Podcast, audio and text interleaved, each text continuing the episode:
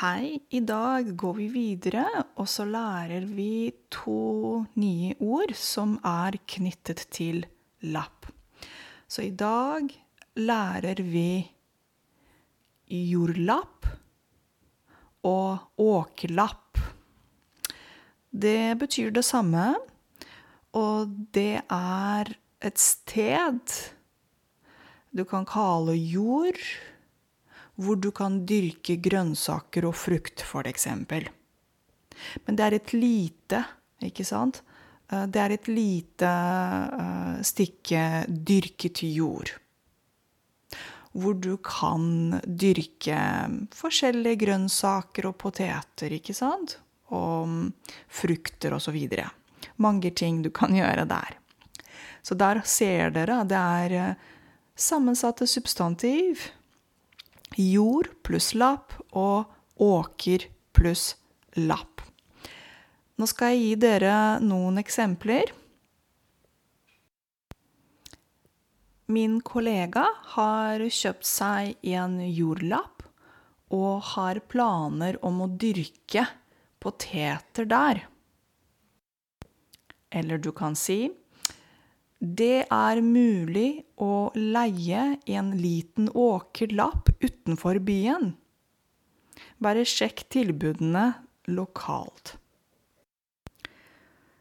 Eller du kan også si uh, Han gikk ut på den lille åkerlappen for å sjekke tomatene sine.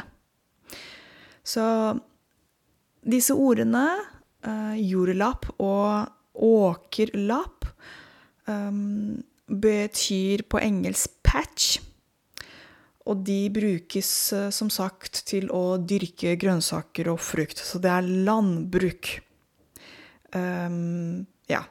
Du kan også bruke for eksempel jordlapp til eh, et lite stykke jord som ikke nødvendigvis er dyrket. Så noen ganger er det bare jordlapper, men det er ikke noe grønnsaker som er dyrket der. Det er også mulig. Så når, eh, når det gjelder jorda, så kan vi si at det fins forskjellige typer jord til forskjellige formål eller forskjellige ting som du kan gjøre. Og bruker disse jordene til. Sier du åker, åkerlapp, jordlapp, så snakker du om et lite areal, et lite stykke jord, hvor du kan dyrke grønnsaker. Sier du marka, og ta en tur til marka, så, sier du, så snakker du om et sted i naturen hvor du kan f.eks. Eh, gå på ski. Sier du tomt, da er det også treng hvor du kan bygge opp et hus. Så jeg håper at dere forstår hva disse ordene betyr. Jeg ønsker dere en fantastisk uh, torsdag videre, og vi høres i morgen igjen. Ha det bra!